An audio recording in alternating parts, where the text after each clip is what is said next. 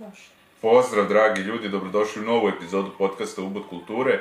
Moja današnja gošća je Sanja Savić Milosavljević i sa njom ću razgovarati o autorskim animiranim filmovima. Sanja je književnica, režiserka, scenarijskinja, do sada je napisala oko desetak drama, dva romana, tri zbirke i također stoji iza serije Vreme zla kao scenarijskinja. E, ukoliko želite da nas podržite, možete to da uradite putem Patreon ili putem Paypala, linkovi su u opisu. Također bih htio da se zahvali Manč Melovu koji podržava i deli iste vrednosti kao i ja. Uživajte.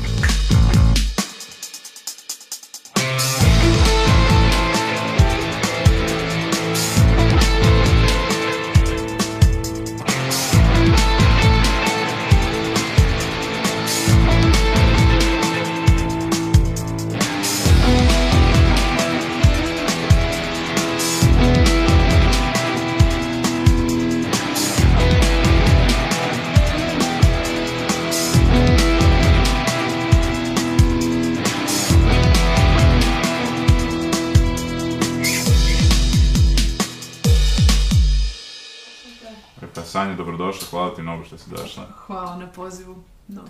Mi smo se dogovarali da ćemo razgovarati o animiranim, to jest uh, autorskim animiranim filmovima, ali ti si do sada toliko toga uradila, ne znam sam sve i nabrojio ovaj, u najavi, Dak- dakle, izdala si do sada dva romana, e, tri zbirke, desetak drama si napisala i stojiš kao autorka, e, kao scenarijskinja iza serije Vreme zla.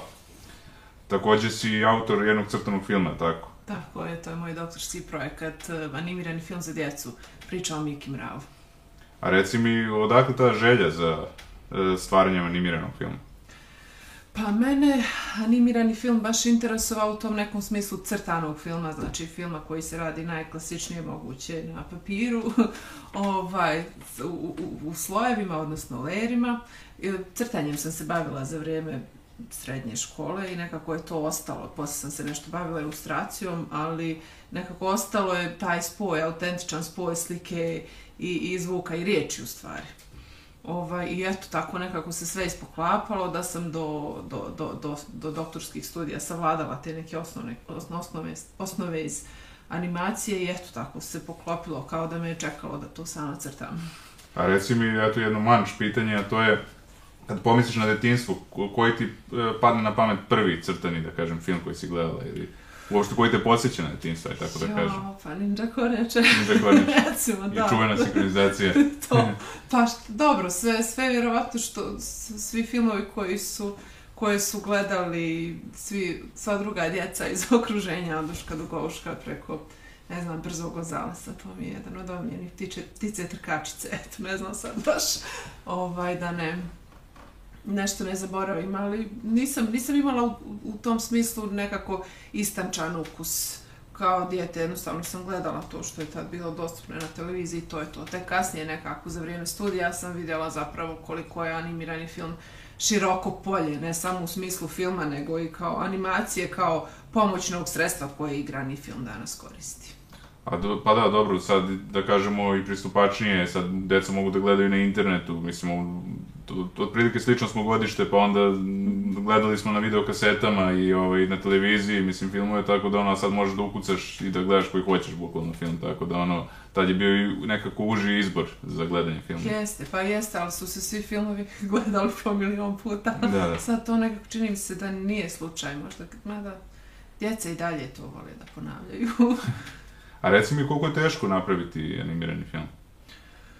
Pa šta znam, meni je put bio dosta specifičan, jer sam ja završila dramaturgiju, bavila sam se, prve i dalje se bavim scenarijem, ali ova, eto, ta priča se nekako, osjetila sam da mogu i malo više stvari da pokrijem u, u produkciji tog, tog konkretnog filma. Uh, pa prvo sam se nadala da ću naći nekog reditelja koji će to da radi, pa sam se nadala kad sam vidjela da sam sama uradila i storyboard i da to svakako ja iskupila sam ljude, prije svega Mariju Momić, e, snimateljku, u ovom slučaju je radila kao umjetnički direktor Jovanu Filipović koja je radila kompoziting i montažu, Lazara Arsovića, dizajnera zvuka, Pavla Popova, kompozitora.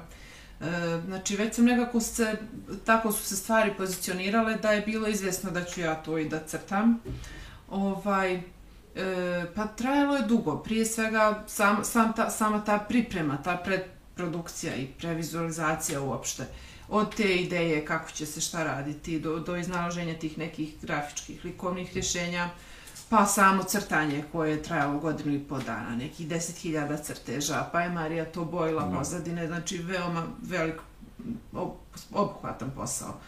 Pa kasnije i sa glumcima, odnosno ranije, prvo smo snimili dijaloge, pa smo onda kasnije radili animaciju i to sve. I sve to da bi trajalo koliko film? Uh, film traje 45 minuta.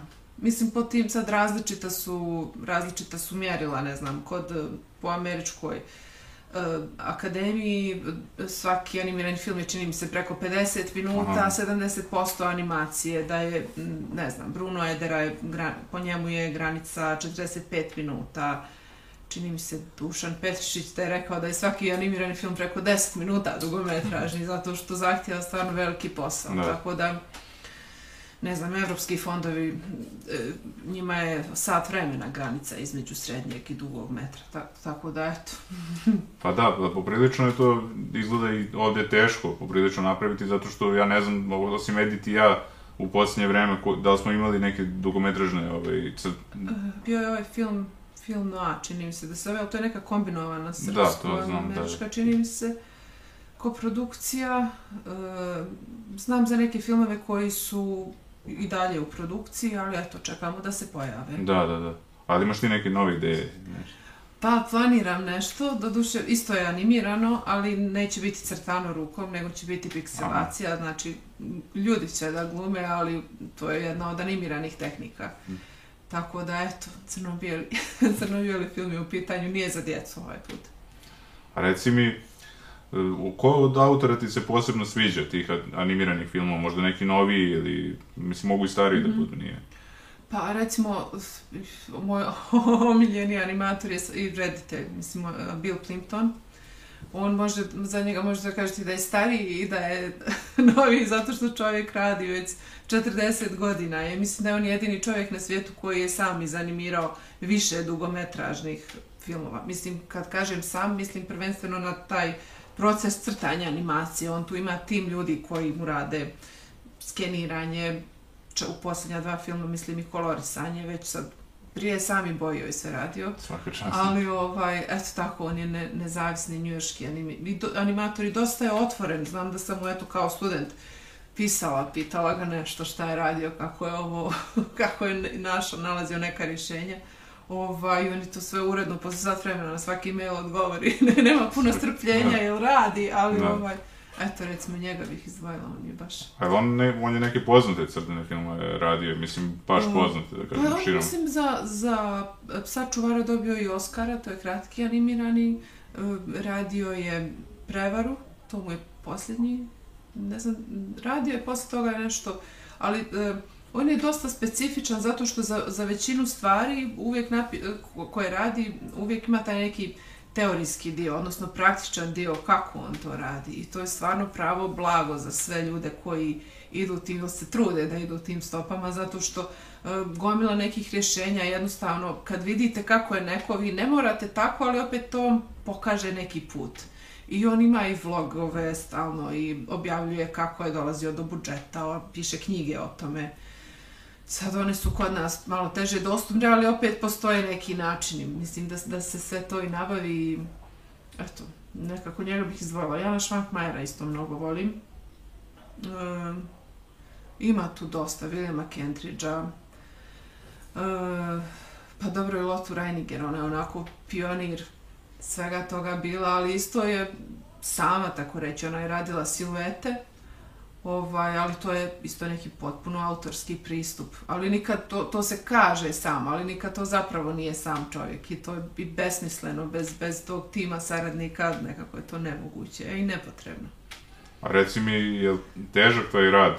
Mislim, to kad ima više tih saradnika i uopšte sve to uklopiti, ono, da, ne znam, i sinhronizacija i kako, kako teče ceo taj proces?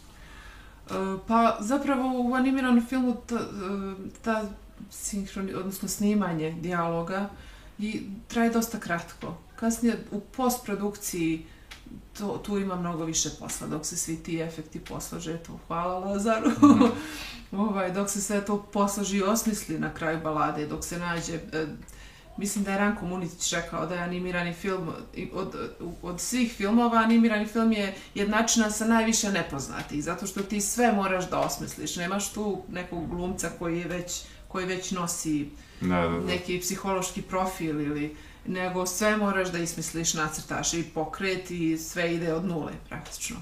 Tako da u tom smislu ima dosta posla.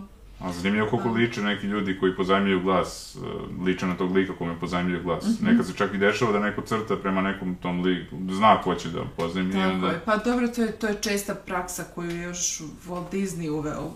Mislim, iako je zvanično e, prva rotografija kao postupak da se preko snimljenog materijala crta, zvanično upotrebljeno u, u filmu Gospodar prstenova Ralfa Bakšija, Mhm. u nekim sekvencama.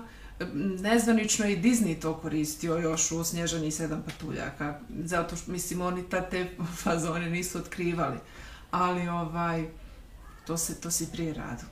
Snežana je prvi dugometražni, jel tako? U... E, pa, na, za, zapravo su avanture princa Ahmeda, Mhm. Lotte Reiniger, e, samo što se, ne znam zašto, zašto, i navodno postoji neki film u Argentini koji je preko sat vremena bio, ali nije sačuvan.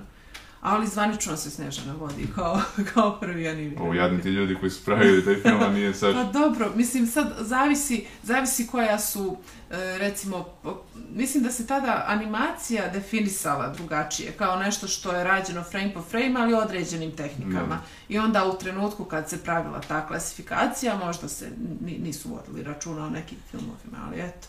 A kod nas je bila jaka, da kažem, ta zagrebačka škola. Tako je, da. Pa meni je među tim autorima nekako ovaj Borivoj Dovniković ostavio najupečatljivi On i dalje živi, tako? Da. Jeste, jeste. I aktivno se bavi i stripom i animiranim filmom, ne, ne znam, vjerovatno. Nisam sigurna. Nisam sigurna, provjerit ću. Mislim da je, to jest ove godine je sigurno 60 godina kako je ovaj, izašao film Surogat eh, Dušana Vukotića, koji je dobio, ja mislim, 62. Oscara za, koji je... Ja sam sa godinama tanka, ali Da, da, da. jeste dobio. Pa da, Munitić je najviše analizirao zapravo zagrebačku, zagrebačku školu. Da, to su svakako neki filmovi koji, koji nekako ne mogu da malo ta tehnologija izgleda tako retro. Ali čini mi se da su dosta progresivniji u nekom idejnom smislu nego dosta filmova koji danas nastaju. Danas se teži ka savršenstvu. Meni to iskreno isto nije, nije blisko. savršenstvu u tom nekom tehnološkom smislu, što je opet razumljivo. Ali, jer je tehnologija već uznapredovala do te mjere, ali opet nekako kada se kada se ne bi vodilo baš toliko računa u tim, zapravo i film je nastao kao neka vrsta greške. Da, I kroz te neke greške kao ve, većina tih trikova su nekako slučajno otkriveni. Onda ima i tog šarma koji, koji se danas nažalost gubi, koji, koji se stvarao, pogotovo za vrijeme toku razvoja animiranog filma. Ja sam skoro gledao ovaj film Crvena korniča, sviđa mi se. Da, Je baš poetski onako. da, da, to je Mihael Dudok David režirao, htjela sam da spomenem, ovaj, i njega kao jednog od omiljenih autora, prije svega e, akvarela animacije, mada je konkretno za Crvenu korneču i Ghibli studio ušao u Da, poprodukciju, tako da se to Pa već liči na nekako... njihovu priču. Da, ali recimo to je i, i dalje autorski film, zato što je to i, i u smislu priče i u pogledu režije svakako to liči na sve njegove prethodne kratke filmove i u vizualnom smislu to je i dalje tu, mislim, vidi se, Njegov, vidi se, da. njegov stil, njegov- da. da. A do, da, on je dobio Oscara, ja mislim, nešto, za, da li za debitanski, ne debitanski, nego, Za Monah i Ribica čini Da. mi se da je, ili za Otac i kći, nisam mislim, sigurna. otak se čini. Otac i kći, Da, da. 2000. Tako je. A reci mi, e, kako kod nas da se, da kažemo, razvije ta, kako bi rekao, produkcija animiranog filma ili da li postoji, da li postoji neka škola, nešto ovaj, što može čovjek da Postoji, završi? Naravno, pa naravno na fakultetu primijenjenih umjetnosti, mislim, sad neću da pogriješim, ali postoji smjer, da li na trećoj ili četvrtoj godini. Tako da svakako postoji, a postoje i Pa, znam dosta ljudi koji su i na privatne časove. Dosta stvari je sad i online dostupno i svako ko se bavi time usavršava se zahvaljujući različitim master klasima iz animacije koji su dostupni manje više na internetu. A dobro, reci mi, jesi fan Miyazakija i... Pa jesam, ko nije, ko nije fan Miyazaki. Ovaj, pa da, i, i Miyazaki i Sao Takahata, recimo, iz te japanske priče su mi dosta interesantne. Ima jedna priča, mislim, za, za sve nas koji gledamo ka, ka tim autorima sa, sa nekim strahopoštovanjem. E, Takahata i Miyazaki su se vraćali sa projekcije nekog od kratkih filmova ovog francuza Frederika Baka. Mm -hmm.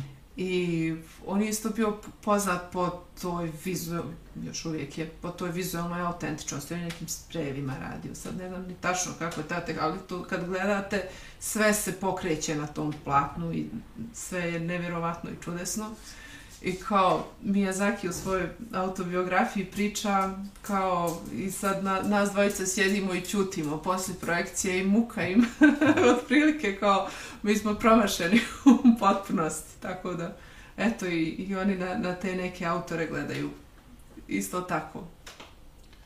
A dobro, sad bi se možda osvrnuo i na ovaj, da kažemo ovaj deo vezan za tvoje knjige. Sad, recimo, ti si, mi dva, ti si dva romana ovaj, izdala. -hmm, da.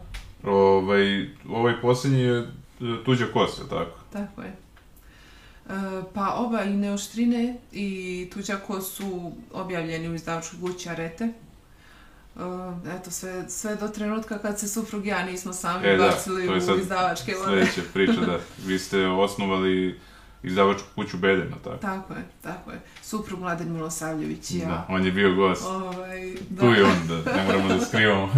ovaj, on je kriv za sve. ovaj, pa eto, nekako smo se tako, iako smo stvarno imali dobra prethodna iskustva sa izdavačima, ja sa Ninom Gugletom iz RT-a, Mladen sa gospodinom Aleksandrom Tešićem iz Strahora, ali nekako je bilo logično, jer mi se nekako, već smo se bavili sa tim dijelovima produkcije knjige. Ne.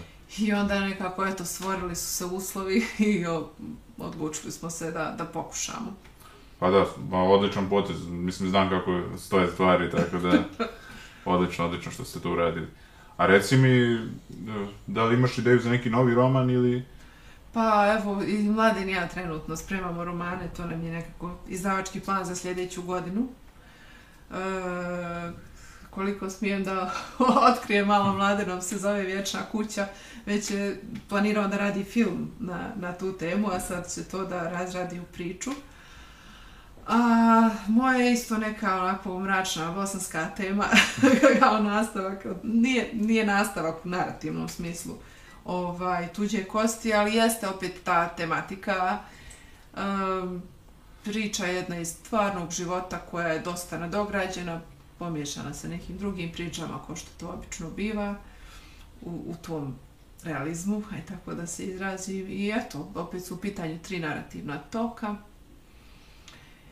I trebalo Jesu li opet bake glavni? Nisu bake, nisu bake, nisu bake, sad su, sad su neki prijatelji, poznanici koji su među nama i koji nisu među nama i tako.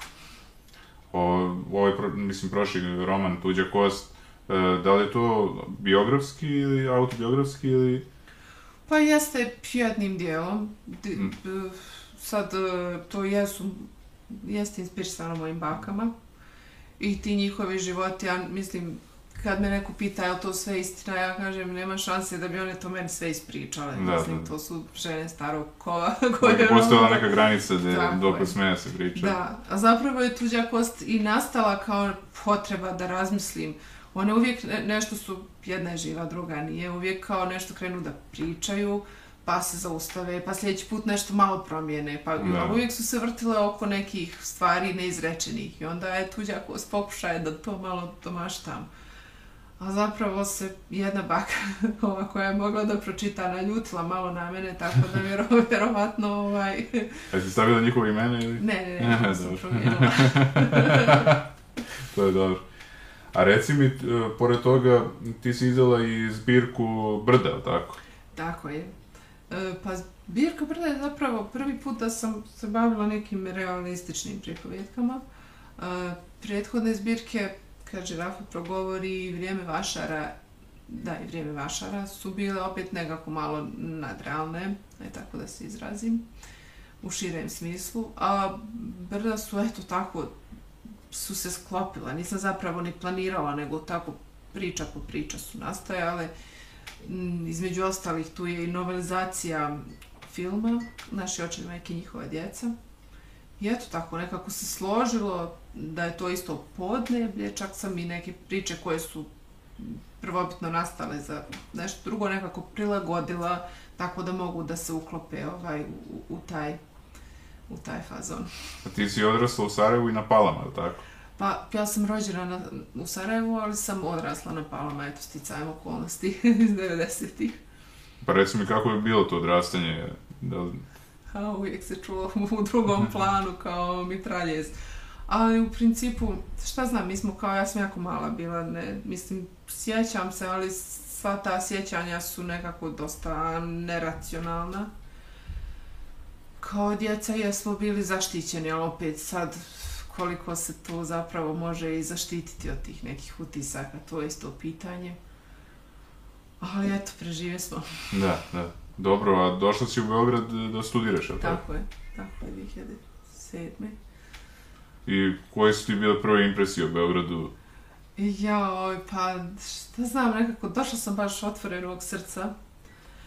I s, s, da, zapravo pamtim, evo sad kad sjetim dolaska, došla sam u Narodnu biblioteku, dotrčala sam prvi ponedjeljak, da, i bila je zatvorena, renovirala se tek do nedavno. I onda kad, kad, mislim do nedavno, do prije 3-4 godine, i onda kad su otvorili, bila sam smorena, kao nije mi se išlo, o, jer sam pamtila to, ali dobro, posle sam fakult, fakultetskom bibliotekom i univerzitetskom i svim ostalim, ali eto, to, to pamtim kao nešto, nešto nedostižno, nešto i dalje nedostižno, ne, zatvoreno još uvijek za mene. A eto, zanimljivo mi je kako ti mladen istovremeno ovaj, izbacujete knjige, da, da u istom trenutku imate inspiraciju ili kako to ide uopšte? Ne, ne, ne, nema nikakve veze s tim. Ovaj, evo, konkretno za ove dvije knjige, čisto smo razmišljali o tome šta bi moglo biti sljedeće. Mm -hmm. Sad mi oboje u fundusu imamo ili nešto napisano ili neku ideju i onda se nekako tako usmjeravamo, ali to djeluje onako dosta vojnički, sad objavljujemo jednu knjigu godišnje, vidjet ćemo dokad će to moći tako, i, ali ovaj, za sad, e, pošto ne, ne planiramo još da se širimo iz više, prije svega, tehničkih mogućnosti, ovaj, za sad ćemo ići tako, pa vidjet ćemo. Sad, su se, sad se desilo da, da su nam romani i meni došli na red. Ovaj, ali ne vjerujem da će to u budućnosti biti slučaj. Posle toga bih ja neke drame da objavim. Mm, Mladen opet nešto za djecu sprema. Mm. Tako da, eto, vidjet ćemo. Pa eto, zanimljivo je ovaj, i ove priče lopova poštenjačnja, tako mm -hmm. da, ovaj, kako se došlo na, na ideju da, Pa, to su neke priče koje su nastajale tu i tamo. Jedna od njih je nagrađena, neke su objavljivane, ali eto tako skupljale su se i zapravo su tražile dobrog urednika, jer nekako nisam bila, imala sam sve te priče na gomili, nisam mogla, opet volim kada ima, kada te priče imaju bilo kakvu nit, bar stilski da su nekako srodne. U brdima se to, mislim da sam uspjela malo više nego ovdje, ali opet iz ove priče se može reći da su to kao na, na, neku, na nekom rubu absurda, možda nadrealnog, ne znam ni sama. Ali ovaj, eto tako, Mladen je napravio raspored i to sve, jer nekako, baš zbog toga što su nastajale u različitim prilikama i u ogromnom vremenskom periodu, nekako teško mi je bilo da se snađem, da ih organizujem u neku cijelinu. Pa dobro, jako su lepe ilustracije. Ko ilustruje? Pa to sam ja ilustrovala. Da, da, da. Pa da, to je za vrijeme ovog lockdowna prošle godine i trudnoće. pa sam imala vremena eto, da se malo vratim crtanju poslije dvije godine nakon završetka crtanja. A u mladinovim knjigama koji ilustruje? Uh, Miodrag Bunijevac. Pa on je strip autor, uh, ilustrator iz Republike Srpske i sarađivao je uh, sa Mladenom već u, u Omaj, portalu koji je Mladen, časopisu koji je Mladen vodio još uvijek vodi. I eto tako nekako se desilo da je, ovaj, da je Mija najbolje rješenje za Lali. Pa eto, baš ste zanimljiv bračni par, da se kaže. Ovaj, a reci mi, dobro, pričali smo o romanima, pričali smo, da, da nismo se dotakli serije Vreme zla. Mm -hmm. o, kako si zadovoljna sa... Pa ja sam veoma zadovoljna, to nekako nije, nije, nije normalno toliko da scenarista bude zadovoljan, ali ja stvarno jesam lagala. Pa stvarno je dobro, mislim, da, vizualno je postavilo neke nove, da kažemo, standarde i... Jeste, jeste, ali vjerujem da je nekako opet drugačija e, gledaočeva perspektiva, drugačija kad ste scenarista u smislu da scenarista koliko god se trudio da se ne bavi režijom i dalje ima neka očekivanja, zamišlja to na određen način, to je prirodno. Ali u ovom slučaju stvarno je Ivan to radio bolje nego što sam ja mogla da zamislim. Ja sam primjećivala na nekim mjestima da su neke stvari drugačije možda nego što sam ja očekivala, kao da je potekst drugačiji. Djelovalo mi je da je nešto moglo, ali opet to u cijelini stvarno sam zadovoljna. Jesi zadovoljna i izborom glumaca? I... Pa jesam, jesam, baš smo pričali o tome kako sam, kad sam čula ko, ko će biti za neki, neke glumce, bila sam iznenađena kao kako je moguće da taj lik, taj glumac, nešto mi je bilo nespojivo, međutim, kad sam vidjela cijelinu na kraju, nisam gledala iz dijelova, nego tek kad je, kad je završeno u nekoj verziji, baš sam se oduševila. Nekako očigledno da ja tu nemam dovoljno iskustva da prepoznam sad šta određeni glumac ima u sebi.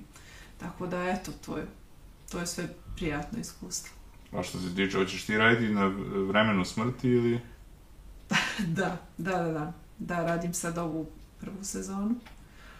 Um, to bi trebalo da bude Sad ne znam koliko smijem da otkrivam. Da, da, okej, okay, ugovora i sve ostalo. Da. Ali, ovaj, eto, sad, to je nastavak. Mislim, ne nastavak opet u nekom kronološkom smislu, nego kako da se, u produkcionom smislu nastavak. Pa fino, fino i... Pa dobro, da, mislim, generalno su serije sada, mislim, produkcijski su stvarno, ono, nismo mogli da zamislimo, recimo, pre 10 godina da će da ovako da izgledaju, mm -hmm. mislim, stvarno, ono, do, to je neki visok nivo. To je, mislim, čak svetski nivo, tako da, ono, nije ništa ispod, ne znam, američkih i tako da, svaka čast, mislim. Pa to je, hvala, hvala sad, ne znam koliko, koliko se odnosi na mene taj dio komplimenta, ali stvarno jeste, pa dobro, mislim da... generalno. Da, pa lijepo je stvarno učestvovati u tako velikim projektima, mislim, da ja u, u tom ja sam samo ovaj dio postprodukcije vezan za scenariju, poslije toga ja mislim tu sam ako im treba za nešto vezano za neku ispravku ili nešto, ali ja tu nemam nikakvog posla. Ali ovaj, jeste stvarno lijepo i mislim zapravo da je to situacija da taj kvantitet i rađa taj kvalitet. Da jednostavno u, u, u, u toj opštoj klimi u kojoj postoje razli, mnogo, u kojoj je velika produkcija, nekako uvijek se desi da ima nešto što, što je dobro. Da ima više stvari koje su dobre, samo što onda problem što čovjek često ne može da isprati sve, nego često ima neke predstave, evo ovo bih vidio, ovo ću, ovo hoću, ovo neću, a nemoguće sve ispratiti. Onda često ti isklizne nešto što, što objektivno može da bude jako dobro. Ali postoji neka serija ili film za koji si rekla, uh, što ja nisam napisala scenariju? Da. da, i baš sam je nedavno gledala serija Kosti. Mhm. Mm da, da, da. Baš me očarala. Pisao sam u toj seriji na stranici, tako da. Ovaj, pa to je neka tematika e, koja je meni tako bliska. Ti ljudi su mi tako bliski. Način na koji je režiran. Mislim... E, Bosonoga. Da, da. Ovaj, Nikola Pejaković je pisao scenarij. On je i ranije pisao scenarij, ali ovo je nekako tako do, dostiglo neki vrhunac, mislim, te estetike.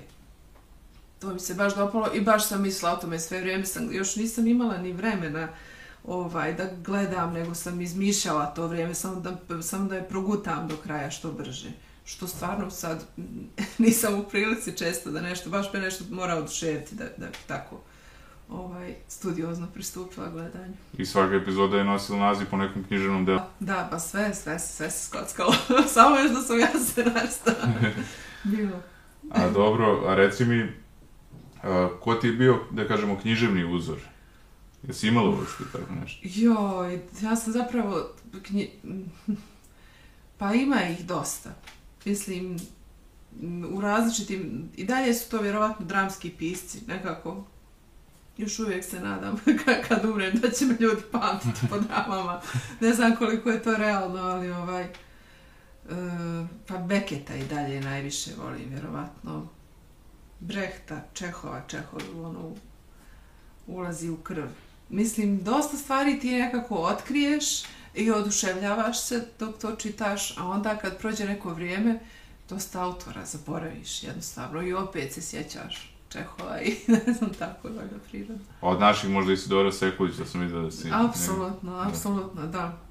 Da, i e, srećna sam što, što zapravo nisam mnogo njenih knjiga pročitala, nego kao trudim se da pažljivo u životu rasporedim sve kao, a ni- nije ni, to je neki poseban ritam koji ne dozvoljava da, da, da, da, da to brzo, da brzo apsorbujete to, to što je ona napisala, nego baš trebaš da budeš u nekom posebnom raspoloženju, ovaj, posebnoj emociji. A reci mi, šta trenutno čitaš i možda neka preporuka, da kažemo, za ljude koji gledaju? Mhm. Nedavno sam pročitala uh, knjigu Glineni kralj Blan- Branke Selaković. To mi se baš dopalo. Nekako mi je potpuno iznevirilo očekivanja u, u, u pozitivnom smislu. Nisam čak mislila ni da je to loše, pa sam pročitala i oduševila se, nego sam mislila da je drugačije. U tom smislu, ne znam uopšte na osnovu čega, da li na, neki, na osnovu nekih drugih brankinih priča koje sam čitala u ovim knjigama koje je Mladen uređivao, ali ovaj, to me baš oduševilo, nekako mi je dalo ovaj, nadu da, da, da to da, da, i, i, da po, postoji o, osnova, samo što eto opet greota što u tolikoj produkciji ne uspjevamo sve da, da ispratimo. E, šta sam još Bože čitala? Čitala sam... A kako si generalno zadovoljna našom scenom uopšte književnom? Mislim, cijela bivša Jugoslavija i... Ja stvarno volim da čitam domaće pisce i dosta ih i pratim.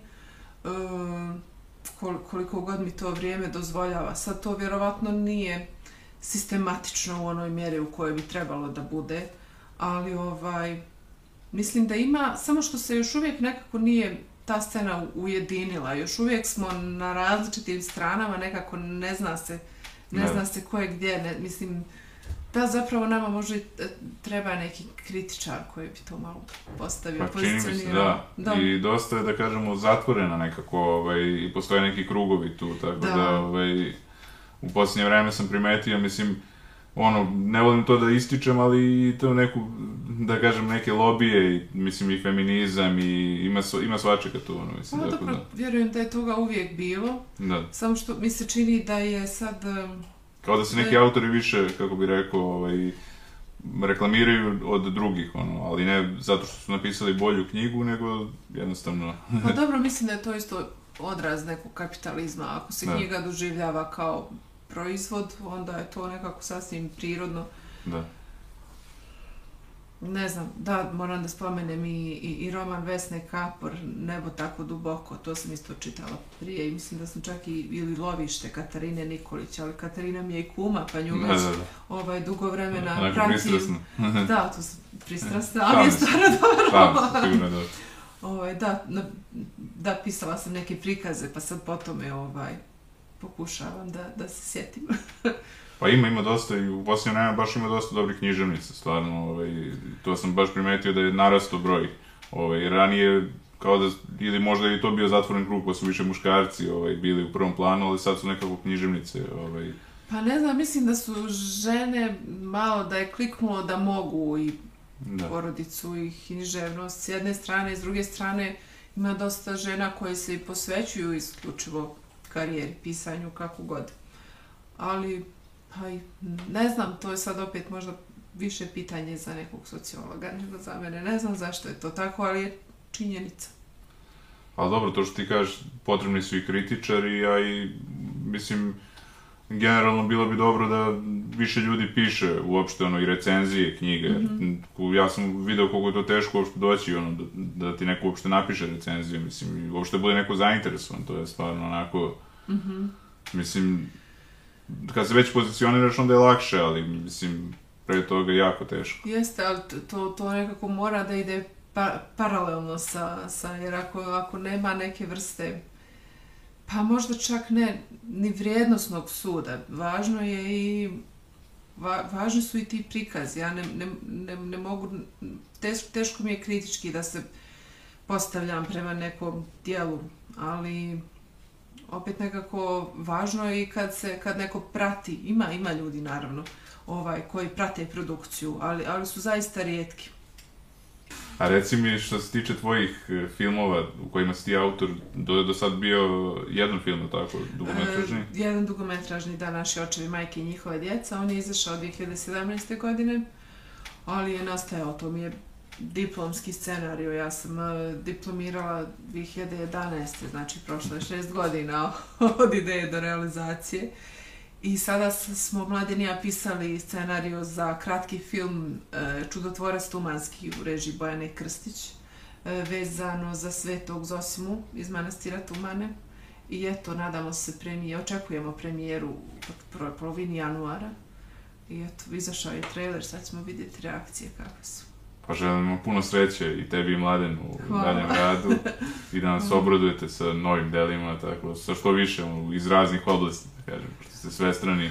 Hvala, pa eto, sad se nekako nadam da ću se usmjeriti, ono, ali nekako ne ide, tako da, ovaj, možda to nije ni loše, zato što, ne znam, možda je to moja predrasuda, da posle nekog vremena, kad previše utoneš, ja, u filmske ili u književne krugove, dođeš do, do, do tog nekog blata, ne znam, nije, malo zasitiš se. Mm -hmm. Zasitiš se ljudi i priča i tih nekih podjela i onda svaki put tako malo pobjegneš u nešto drugo. To je ovaj velika prednost kad se baviš različitim stvarima, yes. pa onda se malo osvježiš pa se vratiš, ovamo taman si zaboravio to što ti je smetalo i tako. A nisi te pitao za pozorište? E, e, da, pozorište moja najveća ljubav, djelomično ostvarena. Ovaj, pa sad spremam sa e, rediteljkom Manom Pinter uh, predstavu Kao da ne bismo u mom tekstu u Puls teatru u Lazarevcu. Ne znam tačno još datum premijere jer dosta ovaj dosta temeljno su nekako pristupili čitavom procesu i Ana i glumci Ivana Nedeković i Darko Bjehić duodrama je u pitanju i glumci izgovaraju samo da i ne i onda tu treba dosta stvari da se ovaj nadogradi, da se postavi, da se pročisti, objasni, odredi ko, ko, kojim tokom se ići. I eto, stvarno vrlo zanimljivo, bar do sad, o, na ovim probama koje, na kojima sam do sad bila, meni je to sve bilo jako zanimljivo. A koji književni komad bi možda volila da, da, mislim, dobro, kako to ide, na primjer, ti sad scenaristkinja i onda ovaj, pišeš, ne znam, da, da li ima ono kao adaptacije po nekom književnom komadu, pa ti onda uzmeš pa... Aha, pa zašto da ne, ja dosled nisam, nisam bila u prilici, osim u školi, naravno, na fakultetu sam radila adaptacije uh, Andrića.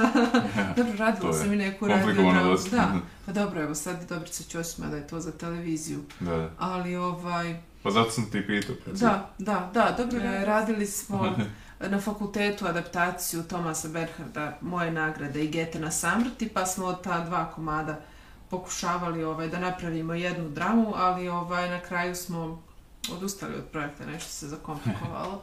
Tako da, eto, ali naravno, mislim, dosta je knjiga u kojima postoji taj pozorišni pa i filmski, naravno, potencijal. Tako da, time se na kraju balade dramaturgije bavi. Mislim, dramaturgija kad, kad se priča u nekom užem smislu zapravo se odnosi na adaptacije.